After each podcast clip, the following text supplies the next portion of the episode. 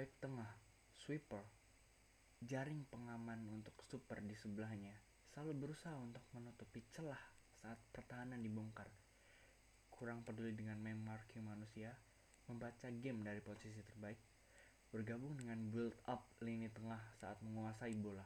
Contoh, Makoto Hasebe. Usianya memang sudah tidak muda lagi, namun mantan kapten timnas Jepang ini memiliki segudang pengalaman di pesepak bolaan Jerman. Serta kecepatan kaki dapat menyapu bola masih sama bagusnya ketika membawa Wolfsburg menjuarai, menjuarai Bundesliga pada tahun 2008-2009. Naiknya nama Luka Jovic, Sebastian Haller, dan Ante Rebic tidak lepas dari peran mantan pemain Urawa Red Diamonds itu.